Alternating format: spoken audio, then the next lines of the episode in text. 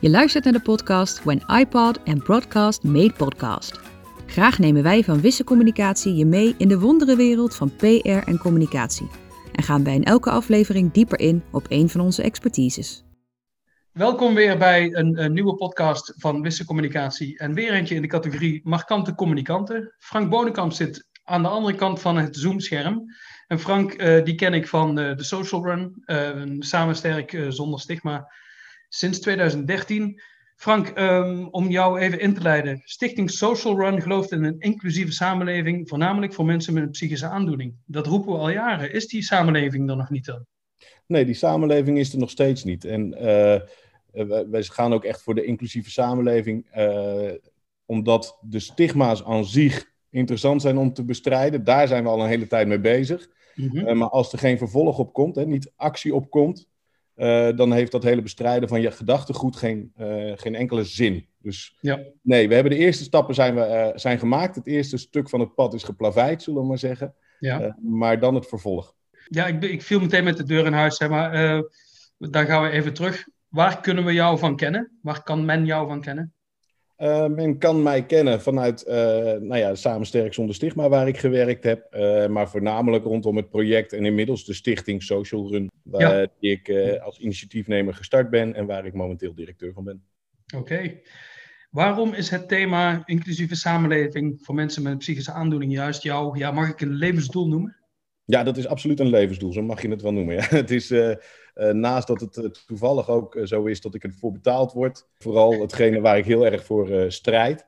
Nou ja, dat is eigenlijk van heel jongs af aan al een thema voor mij geweest, inclusie. Het erbij mogen horen ja. in de maatschappij, ongeacht wie je bent. Want jij spreekt uit ervaring, begrijp ik. Ik spreek en uit ervaring. Nou, het is nog vroeger zeg maar, met de paplepel ingegoten. Mijn vader die, die werkte in de zorg met jeugd en moeilijk opvoedbare jongeren. Ja. Uh, dus daar begon het eigenlijk al. Daarna uh, ben ik zelf altijd een beetje die randen op gaan zoeken van waar zit wel en niet inclusie als puber al. mm -hmm. uh, hè, kom je wel of niet in een uh, homo-kroeg? Ga je wel of niet als punker over straat? ik ja, heb ja, ja. een tijd geleefd zeg maar, om te kijken waar die inclusie zit. Mm -hmm. En gevoeld dat er ontzettend veel uitsluiting was. Daarna gewerkt binnen justitie. Uh, als sportdocent, waar je ontzettend merkt dat er geen ruimte is voor inclusie. Hè, en ja. alles binnen de kadertjes moet passen. Mm -hmm. uh, en totaal niet rekening mee wordt gehouden wie ben jij. Maar vooral ja. beheersmatig wordt gewerkt. Toen de overstap gemaakt naar de forensische psychiatrie. Hier in Utrecht, waar we kantoren houden uh, op straat. Met de, nou ja, we noemen dat de verwarde personen. Hè, dus de mensen die ja. zorgmijdend zijn. Die probeerden wij in zorg te krijgen. En ja, daar zag je vooral enorm uh, wat stigma's doen met, met, met de mens. Uh, ja. Zelfstigma, hè, dus dat is een hele belangrijke. Dus we kijken niet alleen maar naar de maatschappij, maar ook welke rol je er zelf in hebt. En, en wat de maatschappij erin doet als jij ander gedrag vertoont, als jij anders eruit ziet dan de norm die we hebben gesteld met elkaar kennelijk, ja. uh, dan word je daarop aangekeken. En wat doet het met de mens, zo'n stigma? Nou ja, het maakt je heel erg bewust in de stukken die je niet kan. Hè, het mm-hmm. houdt je vooral uh, op de plek waar je van denkt, ja, dat is dus niet mijn kant of mijn kracht. En ja, dat wordt alleen maar versterkt. Dus als mensen je stigmatiseren, hè, dus uh, een verslaafde is altijd in de goot, hè, om maar even ja. een hele uh, duidelijk voorbeeld. En je bent verslaafd, ja, dan beland je eigenlijk hè, in die self-fulfilling prophecy ook wel in de goot, want je bent niks waard. Hè? En ja. nou ja, dat is natuurlijk een ongoing proces naar beneden toe. Ja, wat, wat gewoon altijd slopend is voor de mens. Ja, nou, ik had het in het begin al over uh, de Sierencampagne, waar we samen bij betrokken waren. En het verbaast me dat uh, het doel destijds van Samen Sterk Zonder Stigma was om zichzelf op te heffen. Hoe ja. ver zijn we daar vandaan? Uh, nou, als je het hebt daarover, qua subsidies niet heel ver meer. Oké. Okay. dus, maar dat is misschien een andere. andere ja, precies. Nee, qua, qua thematiek. Ja, ja, ja. Nee, ik denk dat het doel van iedere stichting moet zijn jezelf opheffen. Uh, als het gaat over dit soort thema's. Maar ook in de somatische zorg. Hè? Dus ja. als je het hebt over uh, missies die je wil oplossen binnen een stichting, moet je voornaamste doel zijn opheffen. Het kan nooit zo zijn dat KWF het doel heeft om 100 jaar te bestaan. Dan heb je een verkeerde, verkeerde missie. Dus ik denk dat binnen iedere stichting het van belang moet zijn dat je voornaamste punt is dat je wil opheffen. Ja. Daar zijn we nog lang niet. Hè? Als we kijken naar uh, wat dit inhoudt, dan is het eigenlijk een beetje gelijk aan de vrouwenemancipatie, uh, vergelijk ik het wel eens mee. Mhm. daar zijn we inmiddels een jaar of 50, 60 mee verder. En we zijn er echt nog lang niet. Nee. Ja, weet je, ik denk dat dit proces net zo lang gaat duren. en we zijn net in de eerste 10, 15 jaar van het proces. Ja. dat we ons daar echt van bewust zijn dat dit impact heeft. Ja. hoe sneller, hoe beter. het is alleen een lange ademproces waarin je niet snel moet willen gaan. Juist, snap ik, ja. Ja, in het begin zei je, de weg is geplaveid. Of er ligt in ieder geval een, eh, een, een stukje weg. Ja. En die weg, die bewandelen jullie, die belopen jullie letterlijk met de social run. Vertel eens wat de, de social run doet, hoe die tot stand gekomen is. Wat is de achtergrond daarvan? Ja, social run is een, als origine een hardloop-evenement. Tot stand gekomen gewoon omdat ik het leuk vind om met groepen mensen uh, extreme uitdagingen aan te gaan. Ja. Daar is het ontstaan. Toen de vraag kwam van, joh Frank, wil je weer een keer een loop organiseren? Werkte ik in de forensische psychiatrie, hè, zoals ik net vertelde. Daar mhm. zag ik uh, wat voor een impact uh, stigma's hebben. En toen heb ik gezegd, ja, dan wil ik dat bij elkaar optellen. Dan gaan we het eerste grote evenement zijn wat aandacht vraagt voor psychische kwetsbaarheden. Want als je kijkt naar somatische aandoeningen, zijn er heel veel evenementen. Er wordt ontzettend veel geld opgehaald. Als je het hebt over psychische kwetsbaarheden, uh, heb je veel voorlichting. Uh, maar naar voorlichting komen altijd de mensen die al geïnteresseerd zijn. Hè? Dus dat zijn niet de mensen die het meest stigmatiseren. Hè? Dus je bent eigenlijk een beetje aan het preken voor eigen parochie. Maar echt evenementen rondom dit thema zijn er nog niet. Mm en in dat gat zijn wij gesprongen en, en hebben we gezegd van ja, daar gaan we dus met z'n allen een run omheen organiseren. Ja. En dat is inmiddels uitgegroeid tot een hele beweging die het hele jaar door allemaal kleine en grotere evenementen doet. Met als mhm. grote run het derde weekend van september de social. Ja. Uh, Frank, doen jullie nou alleen de social run of uh, zijn er nog meer evenementen die jullie organiseren? Nee, wij organiseren nog veel meer evenementen. We ondersteunen ook heel veel projecten. Hè. Dat doen we met de subsidiegelden die we ophalen. We hebben twee geldstromen, dus dat is heel interessant. Die zijn te vinden op de website. Uh, maar we doen ook bijvoorbeeld nu in deze periode uh, de Zet je kerstboom buiten.nl actie. Uh, waarmee we mensen vragen aandacht te hebben voor elkaar. en een kerstboom buiten te zetten en daarmee te laten zien dat je weer wat meer begrip toont voor een ander. Dus het is een hele simpele actie. Waarbij mensen de in plaats van nu waar die kerst er naar uitziet tot het een hele eenzame kerst wordt. De meest sociale kerst ooit gaat worden. Waarmee we het licht naar buiten en het kerstfeest naar buiten gaan brengen. En we iedereen vragen om zijn kerstboom pontificaal in de tuin te zetten en daarmee te zien, we denken aan elkaar. Mooi. Is dat een uh, lokaal initiatief of is dat landelijk? Al onze dingen die zijn altijd uh, voor iedereen toegankelijk. ja. We hebben hem ingestoken op Utrecht deze keer, uh, mm-hmm. omdat we denken dat het vooral belangrijk is dat lokaal mensen elkaar gaan ontmoeten. Hè. Dat kan je niet zozeer landelijk over, overheen gaan. Maar mm-hmm. het is voor iedereen toegankelijk en we hopen eigenlijk dat het landelijk wordt opgepakt. Juist je zit in de podcast zeg maar, voor markante communicanten, hè, voor mensen die onderwerpen ter sprake moeten brengen die niet evident zijn. Hoe gaan jullie de publiciteit zoeken? Uh, wat, wat, zijn jullie middelen? Ja, we, we, zijn een stichting met twee man. We nemen geen fondsen, geen subsidies aan zelfs. Hè, dus we blijven daar ver van, zodat we altijd vrij kunnen blijven communiceren wat wij willen. Uh, dus we worden nooit gestuurd door een overheidsorganisatie of een fonds of iets die al een mening heeft binnen deze eh, onderwerpen. Ben je bang voor die eh, mening? Wat zeg je? Ben je bang voor die mening? Bang voor die sturing? Uh, nee, maar ik ben het er gewoon niet altijd mee eens. Dus ik wil vrij kunnen praten. Ja, dat is het. Weet je. Als ik vanuit VWS uh, met Paul Blokhuis of met Erik Gerritsen contact heb. Ik ben het niet altijd eens met overheidswegen.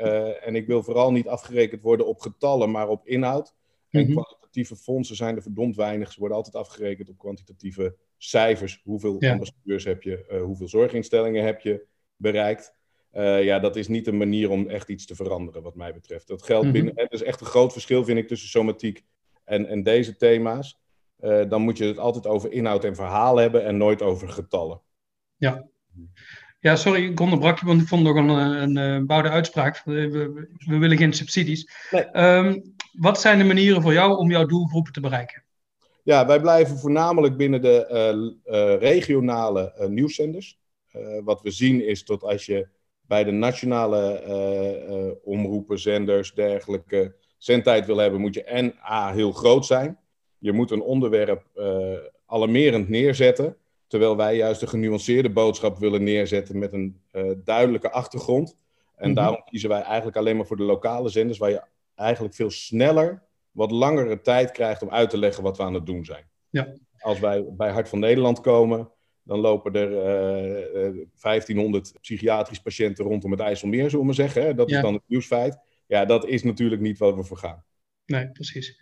Dat genuanceerdere imago, dat landt misschien iets minder snel bij, uh, bij het publiek. Welk imago streef je na en welk heb jij nu? Ja, Nee, het, het landt heel langzaam. Uh, dus dit moet ook een organisch, langzaam groeiend geheel zijn. Hè? Het, het uh, sneeuwbaleffect uh, op een hele langzaam zakkende helling, dat is een beetje wat voor ons van toepassing is. Maar daarmee wordt het wel hecht en compact wat we aan het doen zijn. Het imago wat wij hebben is denk ik, en je schreef in de vooraankondiging van joh, hè, onder de verschillende doelgroepen, ik denk dat we maar één imago hebben, toen ik daarover na zat te denken. Ja. En dat eigenlijk het imago van de buurjongen noemen we dat ook wel. Uh, het toegankelijke, uh, het huiselijke, eerlijk, oprecht en heel transparant. Ja. Uh, en wij schromen niet om iets te zeggen, altijd vanuit eerlijkheid en altijd bereid om wederhoor te krijgen. Mm-hmm. schromen om, niet onze mening, maar bij ons is iedereen even welkom. Of het nou een deelnemer is, een cliënt of een raad van bestuur of een minister. ja, worden met dezelfde egaars bij ons ontvangen. Mm-hmm. en het is een hele gewone plek waar iedereen graag moet komen en uh, willen zijn. En toch, speel ik even advocaat van de duivel, hebben jullie het over thema's die niet overal bekend zijn, die niet overal gezien willen worden? Uh, ja. Dat lijkt me toch heel lastig. Is ook heel lastig. Dus daar denk ik dat een eerste, eerste klus zit voor ons om duidelijk te maken hoe groot de getallen zijn waar we het over hebben. Eén uh, op de vier mensen heeft nu last van een kwetsbaarheid, één op de twee in zijn leven. Uh, als je dus denkt dat je niemand in je omgeving hebt uh, met een kwetsbaarheid, behoor je waarschijnlijk tot die hele groep die het heeft, zeg maar. Hè? Dus, mm-hmm. uh, en ja, ik denk dat het vooral heel erg van belang is dat dingen benoemd worden. Ja. We schromen ook niet om dingen te benoemen. De kwetsbaarheid is er en laten we vooral kijken naar de kracht die er in mensen zit om daaruit verder te gaan. En dat kan door heel genuanceerd het goede verhaal te vertellen, maar wel mm-hmm. heel eerlijk. Ik vind het in, in, dit verband interessant. Je bent niet bang om dingen te benoemen, maar je gaat weg van de klinische term psychische aandoening. En je gaat in de, ja, in, in de moet ik, moet ik zeggen, maatschappelijke terminologie zitten met kwetsbaarheid. Ja, omdat wij niet op aandoeningen zitten als stichting. Wij gaan niet behandelen. Daar is de GGZ voor. Ja. Uh, die moeten dat vooral ook doen. Uh, en eigenlijk moeten ze zich daarna niet bemoeien met de rest. Want als je het hebt over de kwetsbaarheid, dan heb je de kracht erachter. Uh, en dat hoort in de maatschappij en dat hoort niet binnen de GGZ. Dus als je het hebt over de aandoening, dan is dat een stuk waar je last van hebt en waar je zorg op moet krijgen als, het, als je erop vastloopt. Mm-hmm. Dan moet je binnen de GGZ zijn. Als je het hebt over een kwetsbaarheid, dan betekent dat dat ernaast heel veel kracht zit, uh, waar wij met z'n allen op moeten gaan zitten als maatschappij zijn. Ja. Waar ik mee gelijk wel de kanttekening wil zeggen dat GGZ ook de maatschappij is. Hè? Maar, ja. uh, dus die horen daar wel daadwerkelijk in, maar daar werken ze met aandoeningen. En uh, wij werken niet met de aandoening aan zich. Juist. Iedere beweging die heeft ook kritiekasters. Dat zal bij jullie niet anders zijn. Wat voor soort kritiek krijgen jullie te verwerken? Ja, het, het valt helaas heel erg tegen hoeveel criticasters we hebben. Ik heb ze graag. um, omdat we daarmee de boodschap veel helderder kunnen krijgen. Hè. Als je criticasters hebt, dan weet je ook nog waar de uh, pijnpunten zitten in de maatschappij. En hoe we daar dan op een goede manier uh, weer kunnen pareren en proactief kunnen handelen. Mm-hmm. Uh, een van de kritiekpunten is de social run aan zich is een non-stop estafetteloop van 555 kilometer, duurt zo'n 48 tot 56 uur. Mm-hmm. Als je kwetsbaar bent en ontregelvatbaar uh, bent, is dat veel te veel. Hè, dus hoe toegankelijk is de social run voor de doelgroep waar wij het over hebben?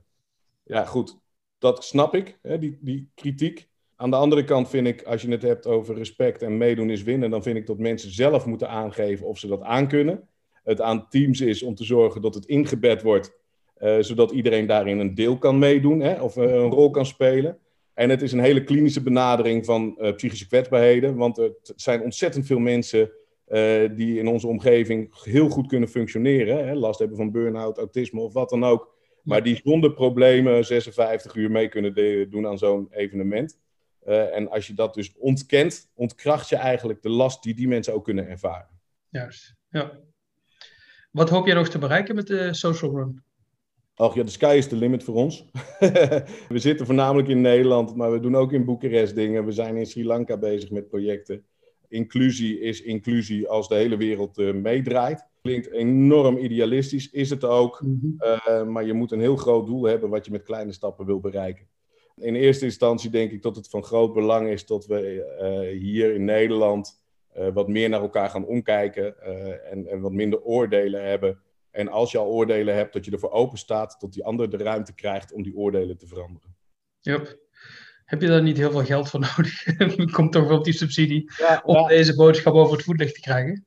Uh, als je snel wil, wel. Uh, maar als je snel wil, dan ga je misschien ook hele grote dingen doen. Hè? Om maar even terug te pakken op die campagne, die op zich heel goed was, maar heel tijdelijk zijn en weinig duurzaam uh, verandering met zich meebrengen. Uh, dus nee, wat ik vooral nodig heb zijn ontzettend veel mensen die meegaan in die beweging op hun eigen manier. Uh, hè, want de social run is een, een uh, katalysator, maar niet de oplossing. Mm -hmm. die op hun eigen manier zorgen dat die boodschap en, en dat inclusieve gedachtegoed verder komt. en daar heb je geen geld voor nodig, maar ontzettend veel mensen die erin geloven. Juist. Ja, als laatste het woord aan jou. Ik, ik bedank jou en, en natuurlijk de stichting met uh, fantastisch initiatief. Ook je, je collega Nienke die, heel goed werk doet voor jullie. Aan jouw laatste woord. Welk, welke boodschap wil jij onze luisteraars nog meegeven? Ja, ik denk dat dat toch moet zijn. Oordeel wat minder, uh, maar focus wat meer op wat de ander kan, want uh, meedoen is winnen. Dit was het voor deze week. Heb je een vraag naar aanleiding van deze aflevering? Of heb je een wens voor een thema voor een nieuwe aflevering? Laat het ons weten. We maken deze podcast immers speciaal voor jou.